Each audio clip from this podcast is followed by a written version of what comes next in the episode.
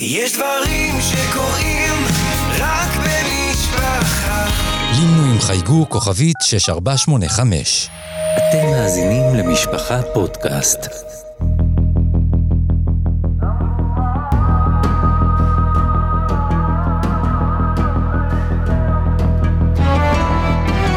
מזרח תיכון דוקטור ליאור אלפרוביץ' יוצא למסע היסטורי בארצות האסלאם. שלום, שמי ליאור, וברוכים הבאים לפודקאסט על המזרח התיכון.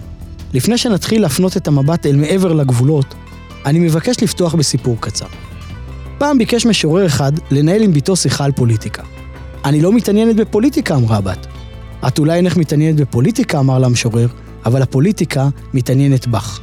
נזכרתי בסיפור הזה, כאשר שאלתי את עצמי, מה הצורך בפודקאסט שיעסוק בתולדותיו של המזרח התיכון? והתשובה היא, שגם מי שאינו מתעניין במזרח התיכון, כדאי לו לזכור שהמזרח התיכון מתעניין בו. ובמובן רחב יותר, הוא מתעניין בנו, בעם היהודי שחי במדינת ישראל. בשמחת תורה, כך נדמה, המזרח התיכון פרץ אל חיינו במלוא עוזו. אותם זרמים תרבותיים שהיינו בטוחים שהם שם, מעבר לגבול, לגדר, לחומה, להרי החושך, שטפו את יישובי מערב הנגב וממשיכים מאז לזרום ולהפר את שגרת חיינו. חמאס בעזה, חיזבאללה בצפון, החות'ים בתימן, המיליציות הפרו-איראניות שעברו מעיראק לסוריה, המתווך הקטרי, המודיעין המצרי, מלך ירדן, יורש העצר הסעודי, האמיר של בחריין ונשיא טורקיה, כולם אורחים בלתי קרואים, היושבים סביב שולחן הארוחה, נמצאים במקווה עומדים איתנו בתור לקופה בסופר. ובסוף כל דיון כזה נמצא גם ההסבר שמתרץ את אותה מתקפה, המזרח התיכון. כלומר, זוהי השכונה ואלה השכנים, ומשכך, למה עוד אפשר לצפות? אם לסכם, מאז שמחת תורה, התחבר לנו ביתר שאת שהמזרח התיכון אינו הג'ונגל שנמצא בחצר האחורית של הווילה, אלא הוא הבניין שאנו גרים בו. בין אם אנו תרבות של סושי במזרח התיכון שמנגבים בו חומוס, כמו שאמר פרשן בכיר לענייני איראן, ובין אם עכשיו התחלנו לדבר ערבית, כלומר, החלפנו את הדיסקט ביחס למזרח התיכון, כפי שרבים אוהבים לכנות זאת.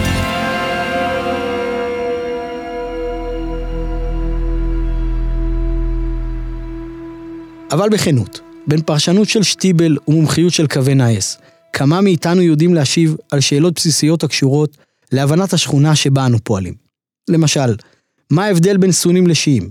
למה האחים המוסלמים נרדפים במצרים, סוריה וירדן? והאם גם הדרוזים הם ערבים?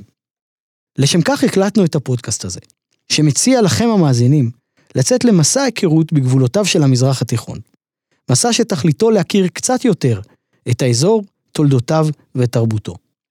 אבל לפני שנצא יחד למסע, אני רוצה להבהיר דבר אחד חשוב. איני מזרחן. כלומר, חקר המזרח התיכון על היבטיו השונים אינו תחום ההתמקצעות שלי. אדרבה, עיקר השכלתי ועיסוקי המקצועי קשורים לתרבות אחרת מזו שאבקש להציג כאן. תרבות שאומנם מצויה מזה 13 מאות בחיכוך גבוה עם המזרח התיכון, ואף הושפעה ממנו רבות, בעיקר תרבותית. אבל כפי שאמרתי, זו אינה התרבות שהתפתחה במזרח התיכון ומאפיינת את העמים החיים בו. אני עוסק בתרבות המערב, וליתר דיוק, בתולדות אירופה במאה ה-20, ובפרט בהיבט יהודי קטסטרופלי שלה, כלומר, בשואה. משמעות הדבר היא שאף שאני יוצא למסע במרחב קרוב, שכן, שחלק ממנו נמצא ממש סמוך לבית, הוא אינו מוכר לי כפי שמוכרות לי דרכיהן של גרמניה, ערבות פולין או יערות ליטא. כאשר חושבים על כך, זו אמירה משונה. כיצד יוכל אדם להיות בקיא בשטח ובתרבות הרחוקים ממנו אלפי קילומטרים, ואילו את שכניו, אלו הסמוכים לו, הוא אינו מכיר? על כך אשיב, שאילו נוצר כבר הרושם כאילו אני זר מוחלט היוצא לשוטט במדבריות ערב, אני מבקש להדגיש, איני מגיע כשקופתי ריקה. במהלך חיי צברתי ידע לא מבוטל בנושא. באמתחתי אני נושא כמה קורסים אקדמיים, ספרים, אי אלו מיומנויות בשפה הערבית, ושעות רבות של שיחות עם ידידים שהם אנשי מקצוע בתחום. כמה מהם נאותו להשתתף בפודקאסט, ועל כך תודתי נתונה להם. אנו נפגוש בהם בהמשך. אבל בעיקר, ואולי זהו הדבר החשוב ביותר, ניסיון החיים במדינה הפועלת במזרח התיכון ומודעת לעובדה זו. בסופו של דבר, גם אם נתאמץ להדחיק זאת, אנחנו, החיים בישראל, אנחנו חלק מהמזרח התיכון. אולי יש מי שמעדיף להפנות את מבטו אל מעבר לים, או לכל היותר להכיר בג'ונגל הסובב אותו, אך רק מתוך הווילה שבה הוא מסוגר. לאלו אין לי הרבה מה לומר. אבל הסקרנים מבינינו, אלו שכן מבקשים להתוודע על השכונה המורכבת והמאתגרת שבה אנו מנהלים את חיינו המדיניים, אני מציע להצטרף למסע היכרות. מסע שהתנהל על שני צירים, האחד גיאוגרפי והשני כרונולוגי. כלומר, האחד חותר להכיר את השטח, והשני מבקש לעשות זאת על ציר הזמן. ועתה, לאחר שסיימנו את ההקדמה, הגיע הרגע להתחיל. וכמקובל אצל יהודים, נתחיל בשאלה, מהם בעצם גבולותיו של המזרח התיכון?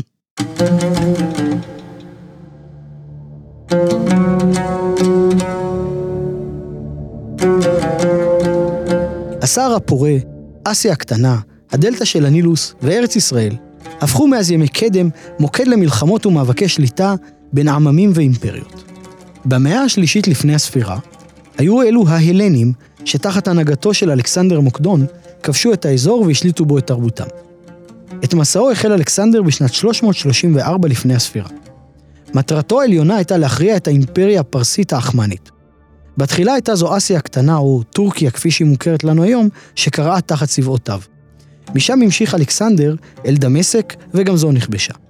ממנה המשיך אל צור הפיניקית, ומשם ירד דרומה אל עזה. וכשזו נפלה גם כן, נפתחה הדרך לכיבוש מצרים. באביב של שנת 331 לפני הספירה, חש אלכסנדר כי הגיעה השעה לפנות מזרחה אל עבר מסופוטמיה, היא ארץ שני הנהרות. כמה חודשים לאחר מכן, חנה צבאו האדיר שמנה כ-50 אלף לוחמים על גדת הפרת.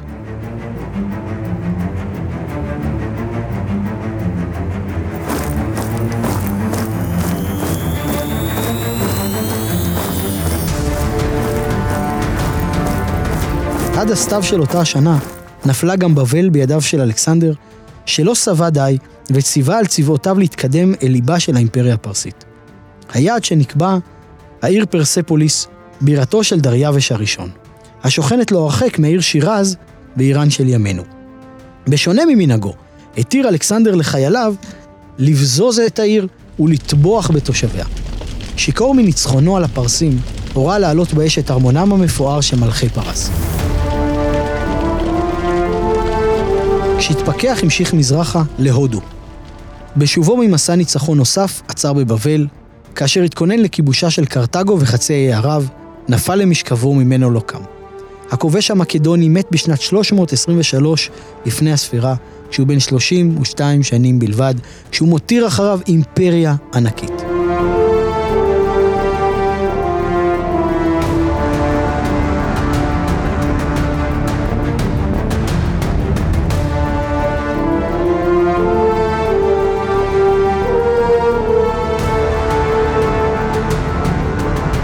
נדלק כעת מעל לתקופת קרבות הירושה שנתגלעו בין יורשי אלכסנדר וצאצאיהם. נזכיר רק במשפט קצר את מרד המכבים נגד אנטיוכוס אפיפנס הרביעי בין השנים 167 ו-160 לפני הספירה, שלאחריו הוקמה ממלכת החשמונאים, וזאת רק כדי להגיע במהרה אל שנת 63 לפני הספירה, היא השנה בה נכבשה ירושלים בידי המצביא הרומי פומפיוס. נקודת זמן סמלית עבורנו, שתציין את המעבר לשלטונה של רומי במרחב.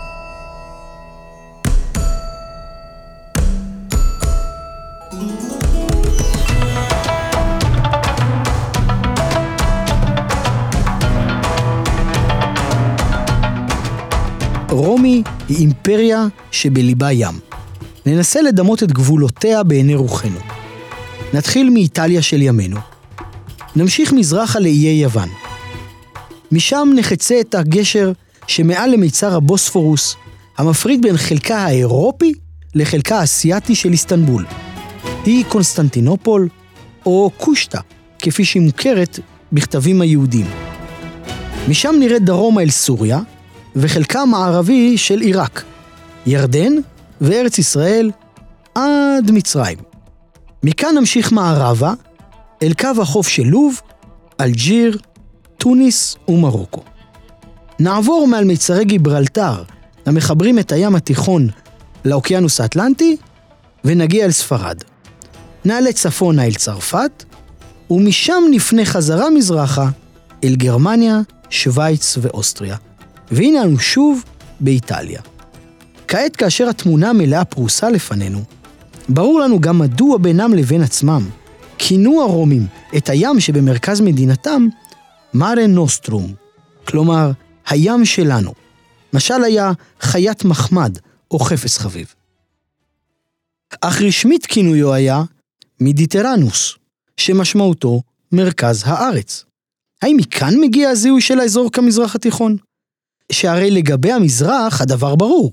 אם נביט עליו מעברו המערבי של הים, למשל מטולדו, עירו של רבי יהודה הלוי, נוכל להבין מדוע כתב על ארץ ישראל משכן ליבו השוכנת במזרח.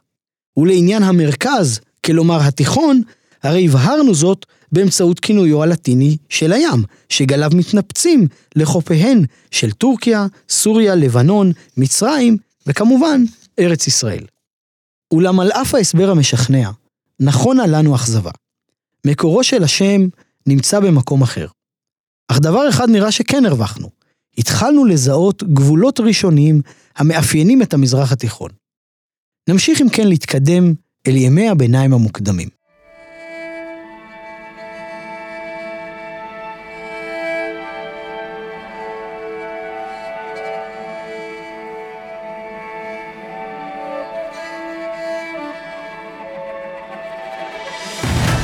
בשנת 324 למניינם, נפל דבר בתולדות ימי רומי. הקיסר קונסטנטינוס החליט להעתיק את בירתה של האימפריה מרומא היושבת על גדות נהר הטיבר לעיר היוונית החרבה ביזנטיון שבאסיה הקטנה. שש שנים מאוחר יותר, לאחר שהרחיב ושיפץ את מקום מושבו החדש, חנך קונסטנטינוס את בירתו החדשה, שאותה ביקש לכנות נובה רומא, רומא החדשה. לא הייתה זו הפעם הראשונה שבה שינתה החלטה אישית של קונסטנטינוס את מהלכה של ההיסטוריה. תריסר שנים קודם לכן, קיבל אותו קונסטנטינוס החלטה דרמטית עוד יותר, לקבל על עצמו את הדת הנוצרית. ובכך הפך בשנת 312 את הנצרות לדת האימפריה הרומית. עבור אזרחיה, משמעות הדבר הייתה, בין היתר, שימי הראשון הפכו לימי מנוחה. שתי החלטותיו של הקיסר תרמו רבות ליצירת מציאות חדשה באימפריה הרומית, שלמעשה התפצלה לשני חלקים. זו המזרחית שבירתה קונסטנטינופול, וזו המערבית, שמשכן בירתה המשיך להיות ברומא העיר. המזרח התיכון, כפי שהוא מוכר לנו, הפך אם כן לחלק מהאימפריה המזרחית, שכעת החלה לכנות את עצמה על שמה של אותה עיר יוונית שעל חורבותיה נבנתה, ביזנטיון. כאשר הסממן הבולט ביותר לכך הוא השימוש בשפה היוונית ולא הלטינית שרווח בכל האזור. בצידה המזרחי גבלה ביזנטיון באימפריה הססנית, שחלשה על שטחיה ההיסטוריים של האימפריה הפרסית. היינו, איראן, עיראק, אזרבייג'אן וחלקים מטורקמניסטן ואפגניסטן של ימינו. בראש הססנים עמד השהנשה, הוא השח, שכינויו הזה ידוע ממשחק הטבלה המפורסם. מקום מושבו היה בעיר קטסיפון שבעיראק של זמננו, היושבת בנהר הפרת לחידקל. אדור נרש, אורמיזד, ארדשיר, הם כמה מן השמות של אותם מלכים ססנים. דתם הייתה מבוססת על אמונותיו של זרטוסטרה, שראה בעולם זירת מאבק בין שתי ישויות. האחת טובה והשנייה רעה, והמוכרת לנו כאמגושיות. כהניה הם החברים, המוזכרים בגמרא, וחגם הוא חג הסדה. החל סמוך לחנוכה, ובשל כך התירו להדליק חנוכיה בבית ולא בפתחו. בפרק הזמן בו אנו עומדים, דהיינו אמצע המאה הרביעית, יחסי שכנות טובים שוררים בין האימפריות, ואף שיתוף פעולה בהגנה מפני פלישות של שבטי הצפון הפראיים שזרעו הרס וחורבן בכל מקום שאליו הגיעו. אך במאה השישית הגיע לקיצו השלום, ושתי האימפריות גלשו לסדרה של מלחמות וסכסוכים. אולי בשל תשוקת הניצחון המלווה מלחמות, ואולי בשל הזכיחות המאפיינת את שליטי האימפריות. אף אחד מהם לא שם לב שבתוך בליל הדמים התפתח בערב כוח חדש ומהפכני, שעתיד להצית בלב הבדואים שוכני המדבר, רואי הגמלים והסוחרים יושבי נאות המדבר, עתירות התמרים, את להט אמונת הייחוד האסלאם.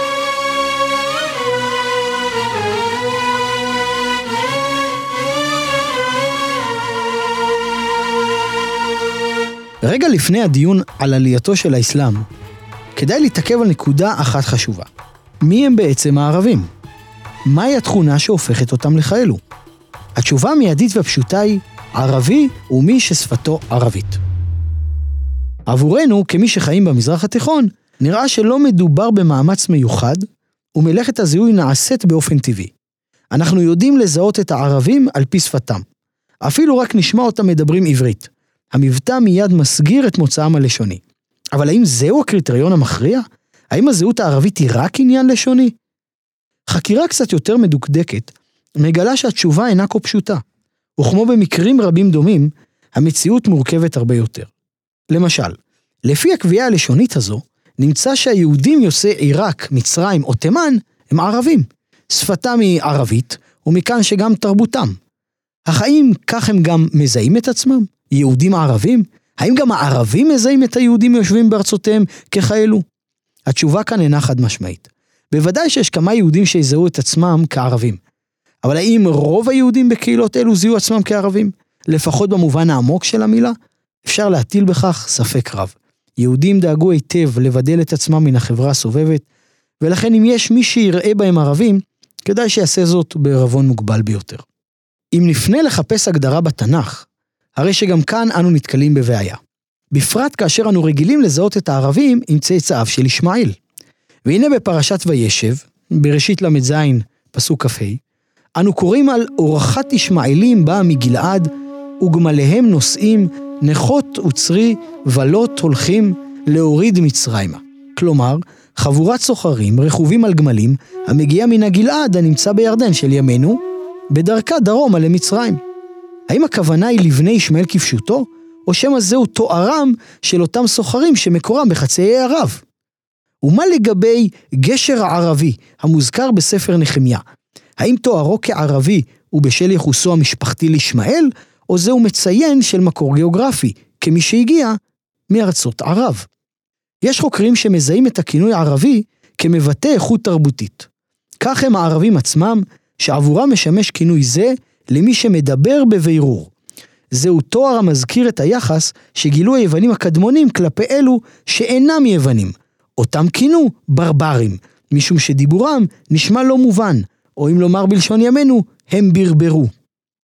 יש כאלו המזהים את המילה ערב עם המילה ערבה, דהיינו מדבר. מכאן שערבים הם שוכני המדבריות. הסבר זה יכול, כפי שנראה בהמשך, להתיישב עם הפסוק מבראשית, המתאר אותם גם כנוודים וסוחרים הרכובים על גמלים. בעבר שימש התואר ערבי לסמן בני שבטים מסוימים שהיו דוברי ערבית. ולענייננו, זוהי הגדרה שניתן לקבלה ולהסתפק בה. ערבים הם אפוא אלו המדברים ערבית, מעיראק שבמזרח ועד למרוקו שבקצה מערב. האם בהתאם לכך אפשר גם לקבוע את גבולותיו של המזרח התיכון? האם הוא מכיל רק את אותן מדינות בהן מדברים ערבית? כאן התשובה תהיה שלילית, וזאת מכמה טעמים. ראשית, משונה ביותר יהיה לכנות את מרוקו, שהיא מדינה ערבית מובהקת, השוכנת ברוח שירו של רבי יהודה הלוי בקצה מערב, הוא אמר בערבית כמזרח. אולי עבור הילידים האמריקאים, המוכרים בכינוי אינדיאנים, יש לדבר תוקף, אבל לא לכל מי שחי באירופה, אסיה ואפריקה. מנגד, מה נאמר על טורקיה ואיראן, שתושביהן אינם דוברי ערבית, לפחות לא כשפת אם. האם מדינות אלו אינן חלק מהמזרח התיכון? וכל זאת מבלי שהזכרנו אותנו, היהודים בישראל, ששפתנו עברית. על מנת לסכם את הדיון, אני מציע לאמץ את הזיהוי שמציע רש"י. בפרשנותו על הפסוק מבראשית. כלומר, הוא מציע לנו לראות בישמעאלים ערבים במובן של דרך חיים המבוססת על מוצא גיאוגרפי, נוודים וסוחרים החיים במדבר. אך אני מזכיר ששאלתנו בפרק זה היא מהם גבולותיו של המזרח התיכון. ומאחר שהגדרת הערביות לא קידמה אותנו, נראה שנאלץ לחפש את הפתרון שוב במקום שבו התחלנו, בדת האסלאם.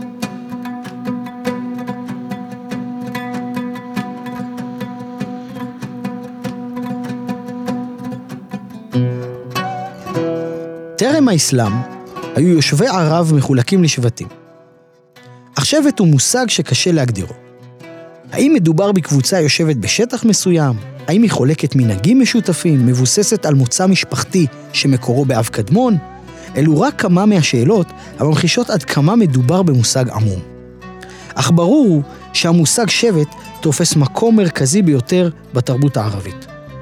ועל כך מעידה המימרה הערבית הנפוצה, אנא ואחוי על אבן עמי, ואנא ואבן עמי על אל-גריב. ובעברית, אני ואחי נגד בן דודי, ואני ובן דודי נגד הזר. כלומר, זהו משפט שמבטא באופן קולע ביותר את מעגלי הנאמנות והערבות ההדדית של האדם החי, את תרבות השבט הפועל במדבר.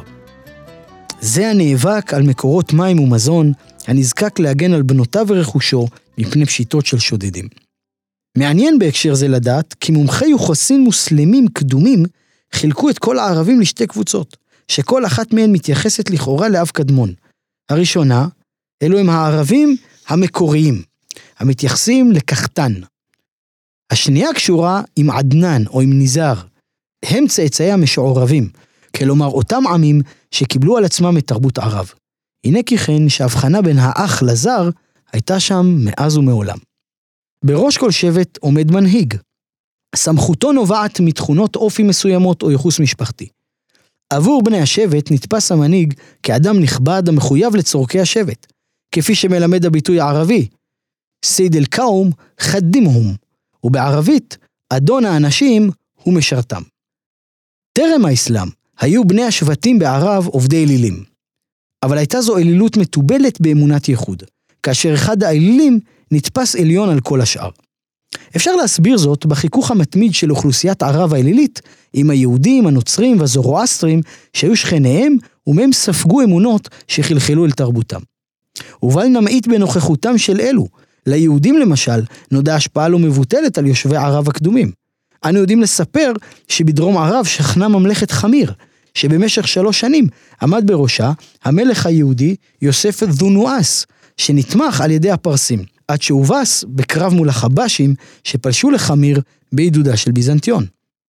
מקום כינוסם של הערבים בתקופה הקדם-אסלאמית היה בבקעה אחת סמוכה למכה שבחיג'אז. במרכזה עמד מבנה מרובע, אותו החשיבו כקדוש ביותר, ואליו היו עולים לרגל.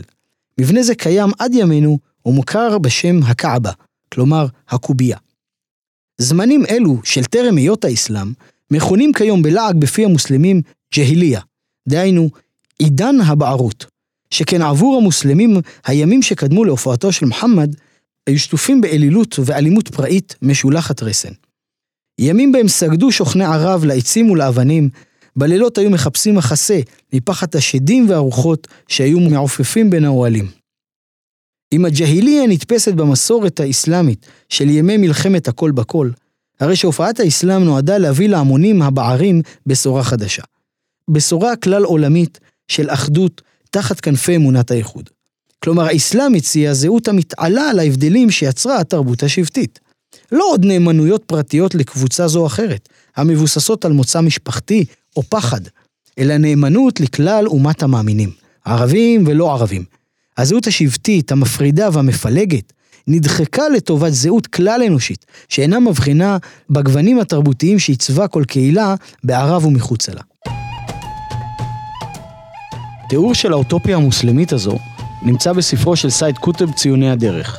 הספר הודפס גם בעברית על ידי הוצאת רסלינג ובתרגומה של שוש בן ארי. קוטב, מצרי במוצאו, פעל בשנות ה-50 וה-60 של המאה ה-20, והיה לדובר בולט של האסלאם הפונדמנטליסטי. נקרא קטע קצר מדבריו ובהשמטות קלות לצורך בהירות. אני מצטט: את התוצאות המדהימות שנבעו מהאופן שבו עסקה הדרך האסלאמית, הייתה היווצרות חברה אסלאמית שאנשיה קשורים בעבותות של אמונה בלבד, ללא כבלים של גזע, קרקע, צבע, שפה, אינטרסים ארציים, לאומיים ואזורים חסרי ערך. החברה המוסלמית הפכה לחברה פתוחה לכל המינים, הגזעים, הצבעים והלשונות, ללא מחסום מעכב. בחברה האסלאמית הנעלה נקבצו יחדיו הערבי, הפרסי, השאמי, המצרי, המגרבי, הטורקי, הסיני, ההודי, הרומאי, היווני, האינדונזי והאפריקאי. עד כאן קוטב.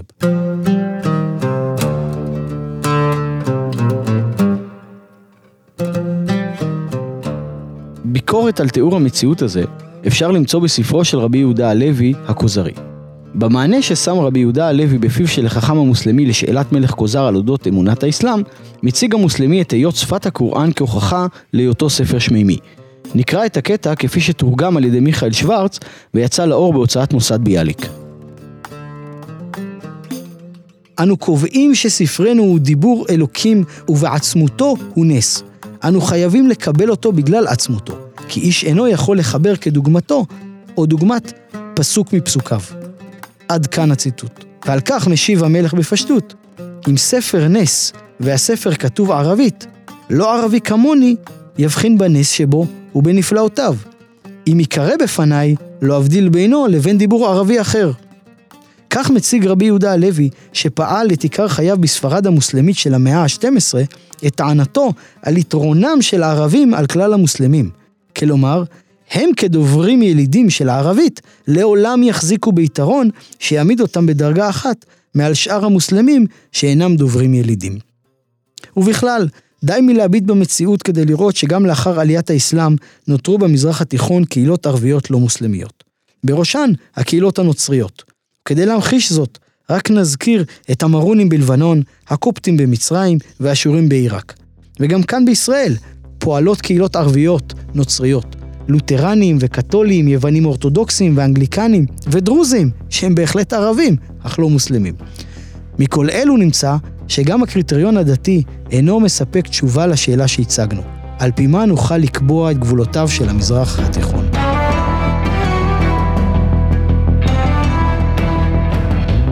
הגענו אל סופו של הפרק, וטרם מצאנו מענה לשאלה מהם גבולותיו של המזרח התיכון. על כן לא יהיה מנוס, אלא לצאת מאזור הנוחות של חצי ערב והתרבות האסלאמית אל אירופה, ולברר למי היה צורך לאסוף את השר הפורה החולש על עיראק, סוריה, לבנון, ארץ ישראל וחלקה הצפוני של מצרים, לצרף אליו גם את ירדן, טורקיה ואיראן, ולכנותו בכותרת אחת. התשובה שאולי לא תפתיע היא, האנגלים. הם אלו שככל הנראה במאה ה-19 הגו את השם שכלל התייחסות למזרח, ואכן, כאשר מביטים מלונדון, ברור למה הכיוון הוא מזרח. אליו הוסיפו את התואר תיכון, כלומר האמצעי, כדי להבחינו מהמזרח הרחוק. וכך, בשל שיקולים גיאוגרפיים, הפך האזור הזה, שאנו שוכנים בו, לשמו המקובל בפי כל, The Middle East, המזרח התיכון. כעת, כאשר גבולותיו הובהרו, לפחות מבחינת הפודקאסט הזה, נבקש להעמיק בתולדותיו ולהתחיל לברר כיצד הפכו נחלות השבטים ושרידי האימפריות למדינות המוכרות לנו כיום. אך את זאת נשאיר כבר לפרק הבא. תודה שהאזנתם, ומקווה שנשתמע גם בפרק הבא.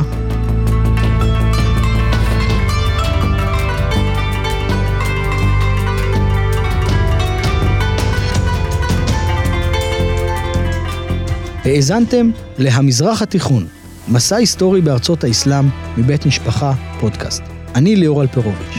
תודה לעורכת תהילה סיטון, למפיקה איילה גולדשטיין ולעורכת הסאונד שיראל שרף. אפשר להזין לפרקים נוספים בכל אפליקציות הפודקאסטים, באתר משפחה ובקו הטלפון 02-65-23-820.